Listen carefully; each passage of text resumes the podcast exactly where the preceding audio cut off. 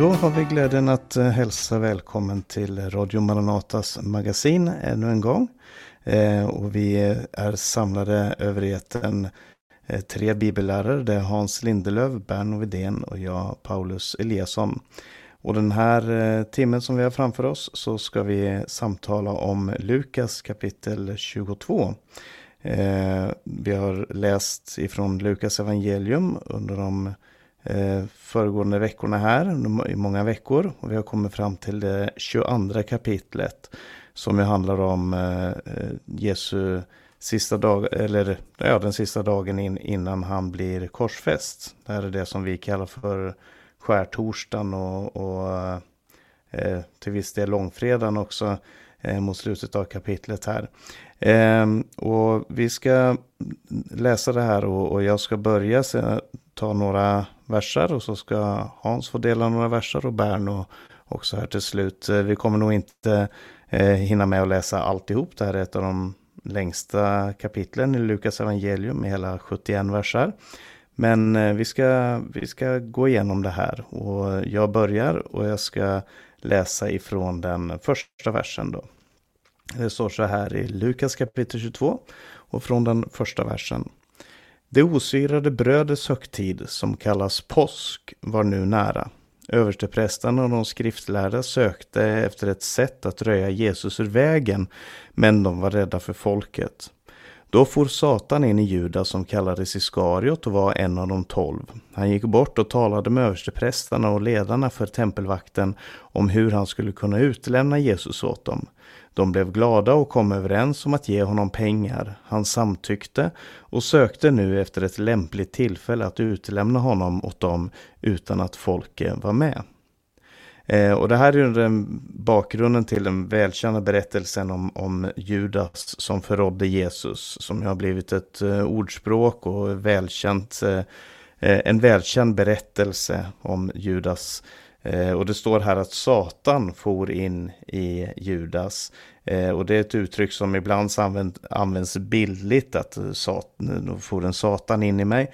Men här så verkar det vara konkret, att Lukas menar att det var, det var faktiskt djävulen som, som eh, intog och besatte eh, Judas. Och djävulen far inte in i intet ont anande människor, så som Bibeln presenterar det, utan det är ett tecken på ett långt förhållande. Och det fick mig att tänka på någonting, ska göra lite annorlunda än jag brukar göra här i våra rörprogram. Vi brukar bara koncentrera oss om texten och, och analysera och berätta vad texten har att säga. Men jag vill bara gå nämna någonting som eh, i Sveriges Radio för några veckor sedan så finns det finns ett program som heter Människor och tro. Eh, som har en pågående serie som heter, och ni får ursäkta uttrycket, Som fan läser Bibeln. Eh, och det är en serie som handlar om där två tidigare kristna eh, tillsammans med en så kallad expert, en liberal teolog och präst, eh, som samtalar tillsammans med en gäst och samtalar om olika bibeltexter och hur de har uppfattats och hur de, ja, vad de själva tänker på runt de här bibeltexterna och så här. Eh, och i ett av de här programmen, jag tror att det var det första programmet, så så eh, ställer de den här frågan om Judas. Och de här som då tidigare varit kristna, varit med i kristna församlingar, sa det. Ja, men jag reagerade alltid på den här berättelsen om Judas. Eh, för att borde inte han ha kunnat bli frälst och fått förlåtelse? Varför, varför gick det så galet med Judas? Vad var det som gjorde det här? Och varför det, det verkar som att Bibeln är så grym mot honom? Eh, bibelberättelsen och så. Eh, och det fick mig att reflektera över det här för att det, det, där är säkert någonting som många har reagerat på. Vad, vad var det som hände med Judas? Och vi vet att det finns en eh, berättelse om Petrus som, som eh, inte förråder men som förnekar Jesus. Men han, blir, eh, han får uppleva nåd och frälsning och komma tillbaka medan då Judas eh, inte gör det. Och det som jag tror är eh, anledningen att man har så svårt att förlika sig med Judas, det är dels det att Bibeln är ju väldigt eh, koncentrerad omkring det med nåden och förlåtelsen och att det alltid finns förlåtelse. Men vi har ofta svårt att förena nåden med eh, med sanningen, med domen. Alltså vi har svårt att förena bilden av Gud som den som älskar oss med bilden av Gud som den som, som dömer människorna slutligen. Och det finns en visst, ett visst mått av sentimentalitet där vi tycker att ja, men Gud borde handla på det här sättet, Gud borde göra som jag tycker och som jag tänker. Eh, och det gör att man, att man blir sentimental mot eh, Judas och, och, hans likar.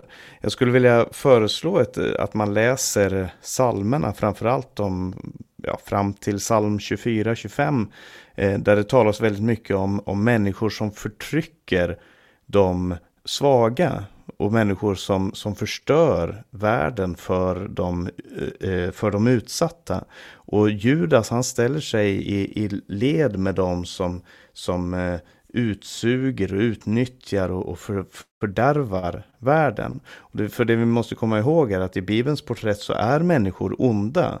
Och utan Guds nåd är vi alla både förtappade och fördärvade. Och man kan, även om man tycker att ja, men borde det inte ha funnits frälsning för Judas? Ja, det hade funnits det om han hade valt att gå den vägen, om han hade valt att, eh, att lyssna och, och, och omvänd, inte bara ångra sig men också omvända sig. Men man kan inte önska någon till himmelen. Man är frälst därför att man personligen har tagit emot evangeliet. Och så sägs det också i den här versen, och det sägs faktiskt ganska ofta i evangelierna, då får Satan in i Judas som kallades Iskariot och så kommer här, och var en av de tolv. Eh, det nämns ofta, om, framförallt om Judas, att han var en av de tolv. Eh, som, dels för att det kanske var lite överraskande att en av de tolv var, kunde vara den som förrådde, kunde vara den som levde med ett oomvänt hjärta som, som vi sjunger i en av sångerna om du i den kristna hopen med, går runt med ett oomvänt hjärta. Eh, men jag tror att det ska tjäna oss just till en väckarklocka, att vi att vi verkligen ransakar oss själva och, och söker oss själva. Eh, för att se att vi inte eh, har alternerande motiv. För det var det som, eh, som eh, Judas, som det upptäcks att, att Judas gick med. Han hade andra motiv för varför han följde Jesus. Och sen ifrån den eh, eh sjunde versen så står det så här. Så kom den dag i det osyrade brödets högtid och påskalammet skulle slaktas. Då sände Jesus iväg Petrus och Johannes och sa, gå och gör i ordning så att vi kan äta påskalammet.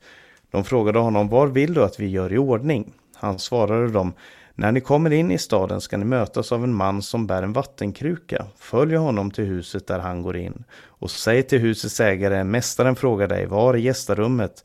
Gästrummet där jag kan äta påsklammet med mina lärjungar. Då ska han visa er en stor sal på övervåningen som är inredd. Gå, gör i ordning där. De gick och fann att det var som Jesus hade sagt och de gjorde i ordning påskalammet. Och jag ska inte säga så mycket om den här texten, men det, det är signifikativt och, och, det återkommer gång på gång i evangelien, både i Lukas och de andra evangelierna, att det verkar som att Jesus eh, har full kontroll på vad som händer. Frågan är ju liksom, vem är det som är regissören bakom det här Golgata-dramat som vi, som vi går in i? Och från utsidan så kan det verka som att Jesus är offer för omständigheten, att han inte har, att han inte vet vad som ska hända, att han inte har kontroll över det som händer just därför att han utlämnas för att korsfästas och dö. Hade han fått välja så hade han väl valt något annat kan man tänka sig. Men Lukas och de andra evangelisterna visar att Jesus är i full kontroll. Han vet, det kommer vara en man där som ni ska följa honom till huset, där kommer det vara i ordningställt och så vidare. Och sen kommer den här eh, det som vi kallar för Herrens måltid eller nattvarden. Jag ska läsa det också från den fjortonde versen. När stunden var inne la han sig till bord så apostlarna tillsammans med honom. Och han sa till dem, jag har längtat mycket efter att äta här den här påskmåltiden med er innan mitt lidande börjar. För jag säger er att jag inte kommer att äta det mer förrän det får sin fullbordan i Guds rike. Och han tog en bägare, tackade Gud och sa, ta detta och dela mellan er, för jag säger er, från denna stund ska jag inte dricka av vinstockens frukt förrän Guds rike kommer. Och han tog ett bröd, tackade Gud, bröt det och gav åt dem och sa, detta är min kropp som blir utgiven för er, gör detta för att minnas mig. På samma sätt tog han bägaren efter måltiden och sa denna bägare är det nya förbundet genom mitt blod som blir utgjutet för er. Men se den som förråder mig har sin hand med mig på bordet. Människosonen går bort som det är bestämt, men ve den människa genom vilken han blir förrådd. Då började de fråga varandra vem av dem det kunde vara som skulle göra det. Och eh, Det här är ju också då knyter an till eh, den här berättelsen om Judas och, och, det kan vara väldigt bra att läsa de fyra evangelierna sida om sida för att få en fullständig bild för att de tar med olika detaljer. Det är ingenting som, är, som motsäger, där det ena motsäger det andra, men, men de kompletterar varandra på ett väldigt bra sätt. Och, och, för att få en hel bild av vad som hände den här aftonen så kan det vara väldigt klokt att, att läsa eh, alla de här texterna. Eh, men det man kan säga om det som händer här i texten, det är för det första att Jesus säger Jag har längtat mycket efter att äta den här påskmåltiden. Och jag lägger ofta märke till bibelord som handlar om just om längtan och lust och begär och så vidare. För att hos eh, oss människor så är den här längtan och det här begäret så ofta förstört. Det är så ofta perverterat och det, det är en längtan efter eh, fel saker och en lust efter saker och ting som inte är bra för oss, som inte, eh, som inte tjänar oss utan som snarare förstör oss och fördärvar oss. Och därför så är det så stort att se när, när människor som har blivit berörda av Gud, eller som i det här fallet Jesus själv, pratar om vad de längtar efter, vad de begär. Och, och Jesus säger att hans begär har varit att få äta påskmåltiden tillsammans med sina lärjungar. Han säger egentligen inte jag har längtat efter korset eller jag har längtat efter lidandet. Allt det där var nödvändigt. I Hebreerbrevet 11 så står det att han som för den eh, glädje som låg framför honom. Det finns lite olika översättningar här men min översättning säger han som för den lycka som låg framför honom utstod korsets lidande. Eh, alltså han, han hade blicken riktad mot ett mål. Han hade blicken riktad mot en glädje som skulle komma. Och det är samma situation här, att Jesus gläder sig i den måltiden som de får ha tillsammans. Och så ser han också fram emot att Guds rike ska komma. Och jag brukar ofta säga det när det gäller just brödsbrytelsen eh, som vi ju gör då till minne om det Jesus gjorde just den här kvällen när vi har vår brödsbrytelse eller nattvard eller vad vi kallar det för.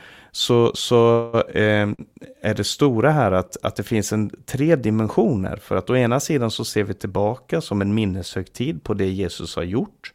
Eh, men för det andra så ser vi också eh, hur, vad Jesus gör i sin församling idag. Vi tar alla del av det samma brödet som ett bild på att vi alla hör till samma kropp. Men sen finns det också en dimension i det här som är Maranata. Kom Herre Jesus, kom tillbaka och den här eh, synen mot då vi ska få eh, äta det här tillsammans med honom i hans rike. Vi ska få äta det nytt tillsammans med Jesus Kristus. Och eh, det finns, Eh, och för att kunna ha den här gemenskapen så måste Jesus gå korsets väg och lägga grunden för det nya förbundet. Och det finns ju flera förbund i Bibeln. Du kan läsa om Noa-förbundet, eh, om förbundet vid, vid Sinai. Du kan läsa om, om David, förbundet med David, om en kung som ska sitta på Davids tron.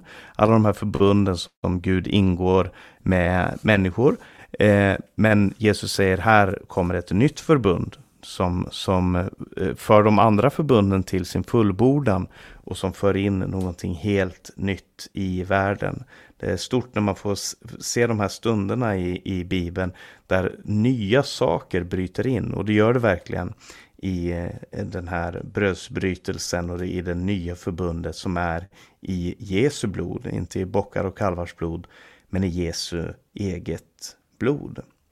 Det var det eh, mina reflektioner omkring eh, den här texten här. Eh, Berno, kanske du har några tankar också om, om det vi har läst hittills? Jag vill säga några ord om Judas. Du berörde honom här. Och jag tänker, han, han, blev, han var ju också en av lärjungarnas, som du sa då, en av de tolv och han kallades av Jesus. Och jag kan tänka mig, när, när man läser om, om honom, att han, han, han var säkert ärlig i sin efterföljelse och, och han fängslades helt säkert också av budskapet som Jesus eh, förkunnade och livet som han fick lära sig att leva med Jesus. Mm. Han såg en framtid med Jesus.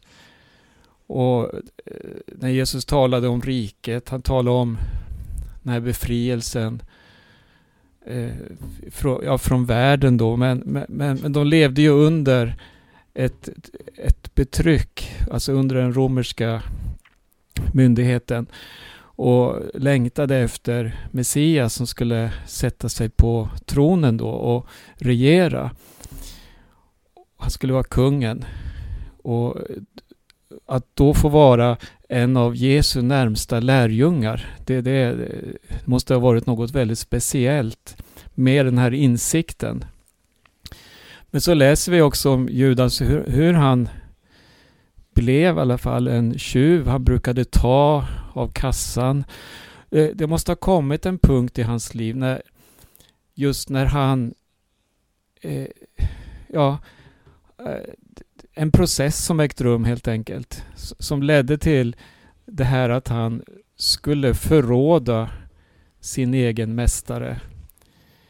Jag, jag, jag, tänker hur de andra lärjungarna reagerade. De talade, när Jesus började tala om sin död, när han talade om det här korsets väg och att ta sitt kors på och följa honom och, och, det, då kan jag tänka mig att de här filantropiska tankarna eller eh, det här som Judas såg framför sig, hur det mörknade mer och mer och det såg mer och mer omöjligt ut. Och, och så kommer han fram till den här punkten att han ser att det, det finns ingen väg. Det finns ingen väg framåt. Det enda som väntar, ja det är slutet. Det är död. Och, och, och, och så står det Satan får in i honom. Han, han har ju helt uppenbart varit då en, ett eh, mål för Satan och han har öppnat sig för de här tankarna och så tycker jag det, det är så eh, stort här också att se hur Jesus hela tiden agerar gentemot Judas. De var samlade till eh, den första nattvarden där Jesus talade och tackade Gud och talade om sin kropp som var utgiven för er. Och så säger han under måltiden Den som förråder mig har sin hand med mig på bordet. Vi, vi, kan ju läsa om hur han också gav brödet åt Judas. Så han blev utgiven också för Judas. Och, eh, så att Judas hade verkligen alla möjligheter att kunna vända tillbaka till Jesus. Det här, det här är ett, på ett sätt ett väldigt svårt ämne tycker jag. Att när man, när man ser också, det, det finns bibelord om att, som säger att det var bättre för honom att aldrig bli född och så vidare. Men ändå, när man ser Jesu agerande, att han, han till och med i den här måltiden vän, ja, inbjuder Judas att vara med och dela brödet.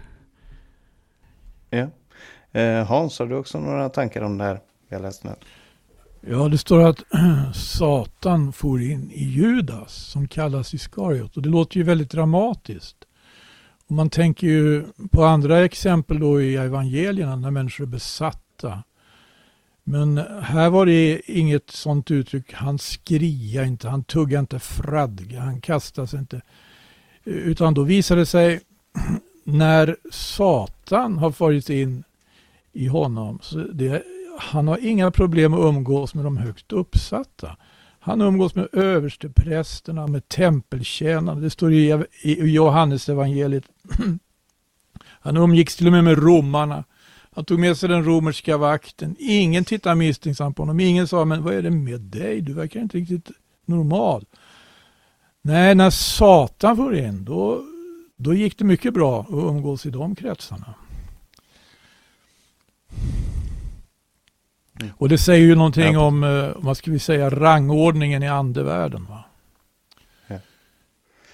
Ja, det, det, är en eh, spännande och vi har på inte sätt uttömt det här. Det här det finns otroligt mycket mer att säga om, om just Judas roll. Och det kan vara, kanske kan vara intressant att komma tillbaka till vid annat, eh, vid annat tillfälle. Men eh, Hans, du ska få fortsätta och läsa. Ja, jag fortsätter då från vers 24, eller Jo, mm. det är det va? 24. En tvist uppstod dock mellan dem om vilken av dem som skulle räknas för den störste.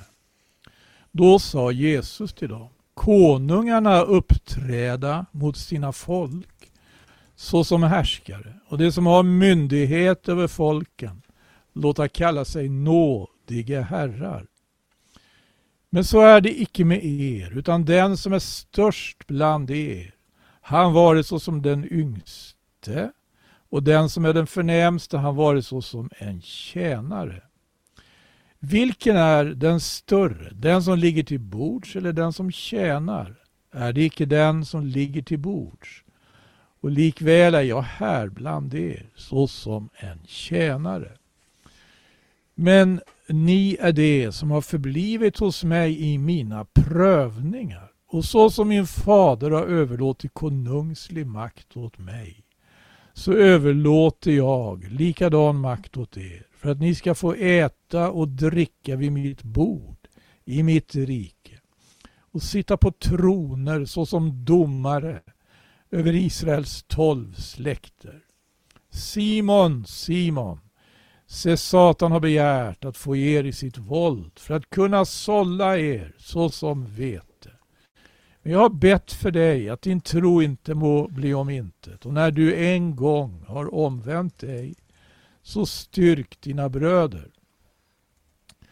Då sa han till honom Herre, jag är redo att med dig både gå i fängelse och gå i döden.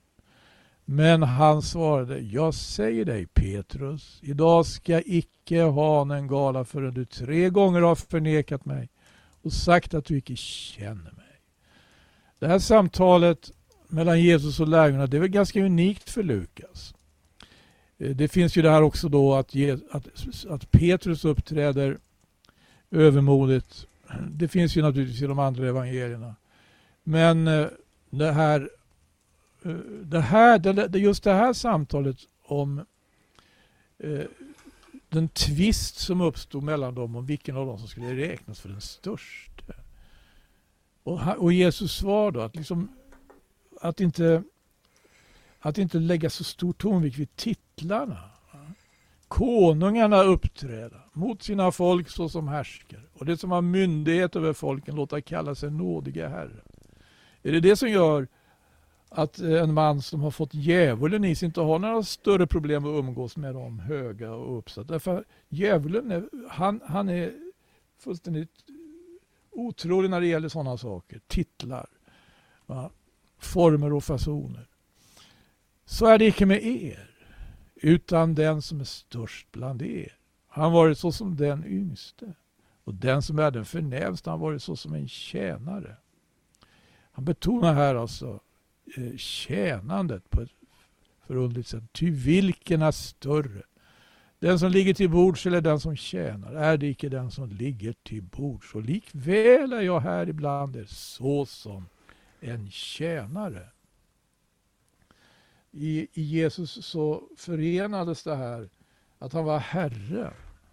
Det, han, eh, eh det, det understryker han ju i, i, när Johannes evangeliet skildrar samma tillfälle då. Ni kallar mig mästare och herre. Och det säger ni rätt i, för jag är så. Men också tjänare då. Har nu jag, er mästare och herre, tvagit era fötter, så är också ni pliktiga att två varandras fötter. Alltså, vilken är den större, den som ligger till bords eller den som tjänar? Är det icke den som ligger till bords likväl är jag här ibland er så som en tjänare. Men så kommer det här förundliga. Tänk på det här. Men ni är det som har förblivit hos mig i mina prövningar. Om någonting så uttrycker väl detta nåd. Det här är alltså den lärjungaskara av vilka en redan har brutit upp och är full färd att förråda honom. En annan kommer snart att förneka honom och alla kommer att överge honom. Till dessa säger han, ni är det som har förblivit hos mig. Här finns alltså ett oerhört förtroende hos Jesus för nådens verk. Nådens verk, ser han, kommer att utföra det. Att, de, att han vågar sig på det här. Att säga så. Ni är det som har förblivit hos mig i mina prövningar. Och så skulle det visa sig bli också. Där satt faktiskt några som, det största antalet av dem skulle visa sig vara värdiga kallelsen, skulle visa sig hålla provet, skulle åter, en skulle återkomma efter förnekelsen och vi, vi vet inte allt. Eh, för att eh, vare sig evangelierna eller apostlagärningarna följer alla de här lärjungarna. Så, särskilt uppmärksamt, det är några som vi får följa. Ni, eh, och så som min fader har överlåtit konungslig makt åt mig så överlåter jag likadan makt åt, åt er. Ja. Och så varningsordet då till Petrus. Satan har begärt att få er i sitt våld. Ja, verkligen. Satan var redan ganska så framgångsrik i alla fall hos, med en av dem. Satan har begärt att få er i sitt våld för att kunna sålla er såsom vete. Men jag har bett för dig, underbart, att din tro icke må bli om intet och när du en gång har omvänt dig, styrk dina bröder. Och så blir Petrus lite övermodig då. Ja. Och eh, Ska jag läsa ytterligare fyra verser eller skulle Berno ta vid här? Du läser fram till, till och med 38. Ja, då gör jag det. Ytterligare sa han till dem, när jag sände er åstad utan penningpung, utan ränsel, utan skor, icke fattades er då något? Det svarade inget. Då sa han till dem, nu åter må den som har en penningpunkt ta den med sig och den som har en ränsel han gör det sammalunda. Och den som icke har något svärd han säljer sin mantel och köper sig ett sådant. Jag säger er att på mig måste fullbordas detta skriftens ord. Han blev räknad bland ogärningsmän. Ja, det som är förutsagt om mig, det ska nu gå i fullbordan. Då sa det Herre här, se, här är två svärd. Han svarade om, det är nog. Det var alltså en stund som väntade nu, en stor och avgörande stund. Och Jesus eh, ger dem då tillåtelse att ta vad de inte tidigare har tagit, med till och med svärd. Det här i system sätts definitivt inte av Jesus, men det var för det här tillfället. Och vi vet att faktiskt, även fast Eh, de kommer att använda svärdet så invänder Jesus mot att de använder svärdet. Och det kanske vi får veta något om senare här. I alla fall i något av parallellkapitlen i de andra, hos de andra evangelisterna. Ja, det här var det jag skulle läsa då. Ja, amen. Tack ska du ha. Jag, jag, jag lägger märke till här i, i eh, texten eh, att, att det fortsätter att vara ganska tydligt att det finns en konfrontation med, med mörkrets värld. Eh, Satan har begärt, läste vi här tidigare, var det om, om Satan som for in i, eh, i eh, Judas. Och senare, och det kommer väl kanske Berno komma, fram, eh, komma inom här också, så säger Jesus detta är er stund, nu råder mörkrets makt. Och det finns en, en andlig kamp som pågår här som, som då eh, river en del människor bort ifrån Jesus därför att de inte har satt sitt hopp endast till honom. Medan andra då får uppleva att eh, att de faller, att de blir sållade som vete. Men så säger Jesus, när du har omvänt dig så, så eh, styrk då dina bröder. Och så tycker jag kanske det, det förnämsta i hela den här te texten är det här Jesus säger, jag har bett för dig. Alltså när man har Jesus som förebedjare, det står i Bibeln att bönen har en väldig makt. Eh, och, och, när man har Jesus som förebedjare då, då finns det förutsättningar för att, för att få bönesvar. Och eh, när, när djävulen verkligen vill göra sitt, vill gå in och sålla ibland de här troendena, han vill förstöra och riva ut eh, människor ibland den här lärjungaskaran. Det manifesterar sig genom att de börjar diskutera vem är den störste. Och det är ju en så otroligt vanlig eh, kamp som, som djävulen inspirerar i människor. Den här viljan att bli den största. Vem är den största ibland oss? Jag tror att Jesus där han sitter ser hur, hur djävulen håller på och sållar ibland dem och, och, och försöker riva ner det verk som, han, som Jesus har byggt upp just därigenom att de, att de börjar bråka om den här frågan. Vem är den största? Det har förstört många församlingar. Frågan om vem som är den största. Det har förstört många mellanmänskliga relationer. Det har förstört mycket av Guds verk. Just det här när mörkrets makt får ingång och får ställa, ställa den här frågan. Vem är den största? Eh, Berno, du får också ge dina tankar om det som Hans har läst här innan du tar med oss in i den sista delen här.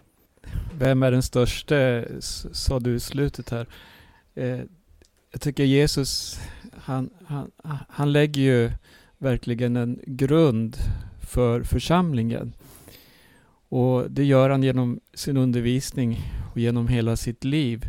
Och inte minst i den här svåra stunden då, när Jesus han tar upp den här frågan om att tjäna.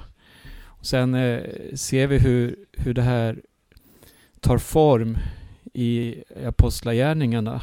När vi ser hur den urkristna församlingen börjar att eh, verka. Den tar form där i Jerusalem och hur gemenskapen är utformad. Det, där talas det tydligt, ingen hög, ingen låg, utan alla är varandras tjänare, precis på samma sätt som Jesus hade undervisat. Och, och, och det här tror jag är en viktig bit att, att vi tar med oss i våra liv. Vi har en Herre och det är Jesus. Och han är vårt stora föredöme. Nu ska jag läsa från vers 39 och framåt en bit.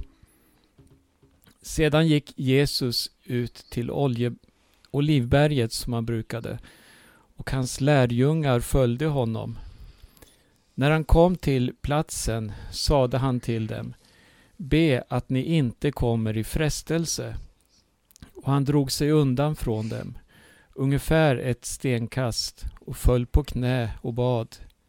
Far, om du vill, så ta den här bägaren ifrån mig. Men ske inte min vilja, utan din. Då visade sig en ängel från himlen för honom och gav honom kraft. Han kom i svår ångest och bad allt ivrigare och hans svett blev som blodsdroppar som föll ner på jorden. När han reste sig från bönen och kom till lärjungarna fann han att de hade somnat av sorg. Då sade han till dem, Varför sover ni? Res på er och be att ni inte kommer i frestelse. Medan han ännu talade kom en folkhop och han som hette Judas, en av de tolv, ledde dem. Han gick fram till Jesus för att kyssa honom. Jesus sade till honom, Judas, förråder du Människosonen med en kyss? När de som stod runt Jesus såg vad, vad som höll på att hända frågade de, Herre, ska vi slå till med svärd? Och en av dem slog till mot översteprästens tjänare och högg av honom högra örat. Men Jesus sade, Låt det vara nog nu. Och han rörde vid hans öra och helade honom. Sedan sade Jesus till dem som hade kommit ut mot honom, översteprästerna och ledarna för tempelvakten och de äldste. Som mot en rövare har ni gått ut med svärd och påkar. Jag har varit med er i templet varje dag utan att ni grep mig. Men detta är er stund. Nu råder mörkrets makt. Den här eh, skildringen då Jesus i Getsemane. På andra sidan Kidrondalen som den ligger, som också har sin betydelse. Det var hit de skulle gå. Och det är bara Lukas som gör den här kommentaren att Jesus hade för vana att han brukade gå till Oljeberget. Och man förstår att Judas, han visste, han var väl insatt i var han skulle finna Jesus någonstans. Och när Jesus säger till sina lärjungar att de ska bedja att inte komma i frestelse. Så det handlar ju inte om vanliga svårigheter med den här bekännelse som de kanske hade avlagt om Je inför Jesus. Utan man förstår att det handlar om en frestelse som, som eh, är en av de svåraste som finns att möta. För jag, jag, tänker i det här sammanhanget då när Jesus, han, han visste varifrån han kom.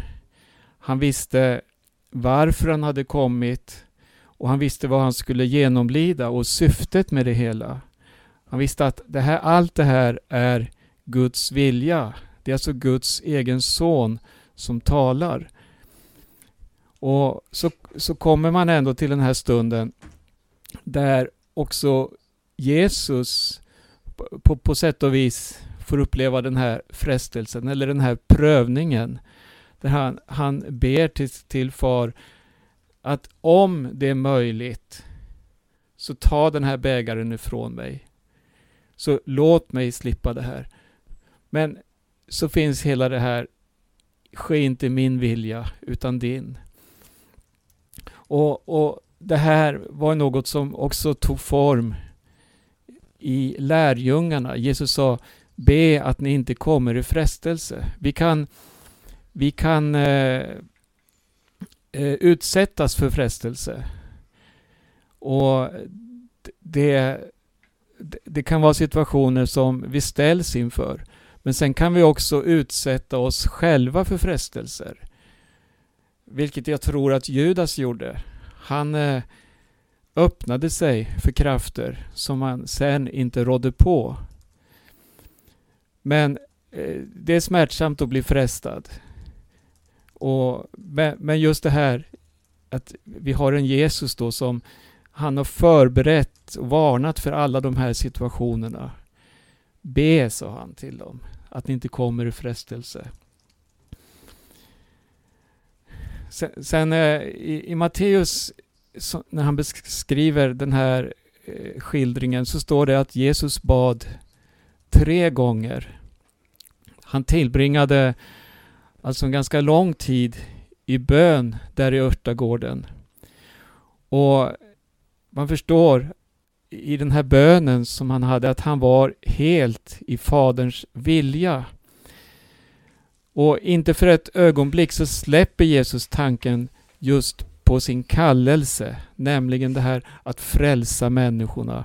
Om varför han eh, får genomgå allt detta lidande. Han frågar bara Fadern om korset och det här oundvikliga medlet genom vilket målet skulle uppnås. Jesus måste också han då här vandra i tro och lydnad. Och han satte sig aldrig upp mot Guds vilja. Ske din vilja i allt. Käre Jesus. Ja, mm. man blir väldigt, eh, vad ska man säga, rörd när man läser de här verserna. Det står i vers 44 hur Jesus kom i ångest. Och han bad allt ivrigare. Hans svett blev som blodsdroppar. Och det är ingen vanlig dödsfruktan som, som, eh, kommer, som beskrivs här. Utan eh, den här, jag tror mer att det handlar om den här fruktan genom medvetandet att, att, att Guds vrede över synden lades nu på Jesus. Han som själv var utan synd. Men han tog våra synder på sig. Och just den här bördan Jesus i, i den här stunden får bära. Det, det, det är som att läsa Jesajas profetia där Jesajas talar om hur han bar våra synder, han tog vår smärta, han tog allt på sig, våra sjukdomar. Hans död, det var en ställföreträdande död där han led för andra och skulle räknas som en syndare och straffas som en syndare. Varför? Jo, för att vi skulle gå fria, för att vi skulle få ett nytt liv fritt från synd. Ja, tack ska du ha. Eh, Hans, vill du lägga till någonting till det som har blivit sagt här? Eh, jag vet inte, det, när jag hör det här så eh, jag tror man borde ofta återvända till det här, ofta läsa om det här och ha sin, sina tankar här i den här stunden i Getsemane därför att det var då Jesus alltså utkämpade en avgörande kamp som gör att det finns hopp, som gör att det finns en tillflykt, som gör att det finns försoning med Gud, som gör att det finns frälsning. Och vi vet det profetiska ordet säger att den, alltså det, an, det angrepp Jesus utsattes för av Satan, det är ett angrepp som kommer över hela världen. Och, och, då är det en tid då kanske många har glömt Jesus och glömt det han står för och allt vad han har gjort. Och, Eh, förmodligen är det det, därför att eh, det ska komma många falska profeter och vränga begreppen, står också i, i, i, i det profetiska ordet. Jag tycker att det här får liksom inte glömmas bort. Nej, precis. Och det ska ju sägas också att när vi, när vi går in i de här kapitlen nu, nu har vi läst kapitel 22. I, i nästa kapitel så handlar det om, om eh, Eh, domen mot Jesus och om hans korsfästelse och begravning. Och sen i kapitel 24 så handlar det om hans uppståndelse och, och det som rör omkring det. Och, och, det ska ju sägas att här är vi vid den absoluta kärnan i eh, den kristna tron. Det är här allting börjar, det är här allting eh, det, det, det är det här det tar sin utgångspunkt i. Det här är kristendomens vara och icke vara. Och det är därför som vi, ja, när man närmar sig de här texterna så är det med en stor eh, erbördighet och, och, och respekt och, och, fruktan och bävan inför Guds ord som, som man läser det här för att det är historiens största händelse. Det är, eh, även, om man, i, även om man inte skulle tro på det som i betydelsen alltså att lita på att det här är sant och att Gud har verkat genom Jesus här, så måste man ändå säga att det här är det största som har hänt. Jesu död och uppståndelse, det, det är det största. Och, och, man, man, rörs, man rörs av den här texten och, och Eh, man, man ser bland annat det här som man ser när Jesus säger som en, ni kommer emot mig som en rövare. Och det, det återkommer ofta det här paradoxala i Golgata-dramat, hur Jesus blir behandlad som en, som en rövare eller som en blasfemiker, en som, eh, en som talar lögn om Gud, eller han blir behandlad som en rebell på ett eller annat sätt. Men det han gör är att han frälser rebellerna. Han frälser de som sysslar med blasfemi mot honom. Han, eh, Eh, han dör för att vi ska få liv. Han, han lider för att vi, han blir förrådd för att vi ska kunna bli försonade. Och det är också stort det här, lite som, som Bern var inne på här, när Jesus säger, när, när Petrus då eh, förnekar Jesus. Och så, och, och, så tänker man på det Jesus sa strax innan. Han sa, jag har bett för dig. Men den här bönen eh, från Jesus sida, den handlade inte om att han inte skulle komma i den här prövningen. Det handlar, Jesu bön handlade inte om att han inte skulle komma i frestelse, inte ens att han inte skulle falla. Men att Guds ande inte skulle vika ifrån honom.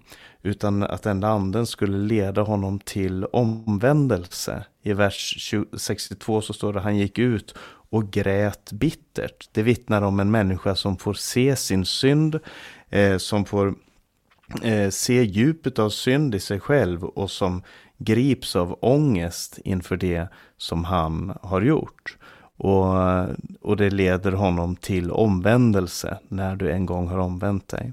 Så den här texten är verkligen värd att, vi får rekommendera och säga det till dig som lyssnar på Radio Maranata, ta dig tid att, att läsa det här kapitlet också, göra dig dina egna tankar och utifrån det vi har talat om här, kanske få upp ögonen för någonting nytt i de här välkända orden. Och vi ska, vi ska inte hålla på så länge till, jag ska bara säga det att Eh, Eh, nästa program som vi gör, om det blir nästa vecka eller när det blir, så ska vi läsa Lukas kapitel 23. Då är Jesus inför både Pilatus och Herodes. Han överlämnas till, till bödlarna. Eh, vi får läsa om hans väg till Golgata, om hans korsfästelse tillsammans med de här två rövarna. Eh, vi får läsa om hans död och om hans begravning och det blir i nästa program då. Men vi som har samtalat här nu, Eh, det är Hans Lindelöv, Berno Vidén och jag heter Paulus Eliasson. Vi har läst Bibeln tillsammans, eh, Guds ord och vi eh, önskar Guds rika välsignelse till alla er som har lyssnat och på återhörande. Gud välsigne er.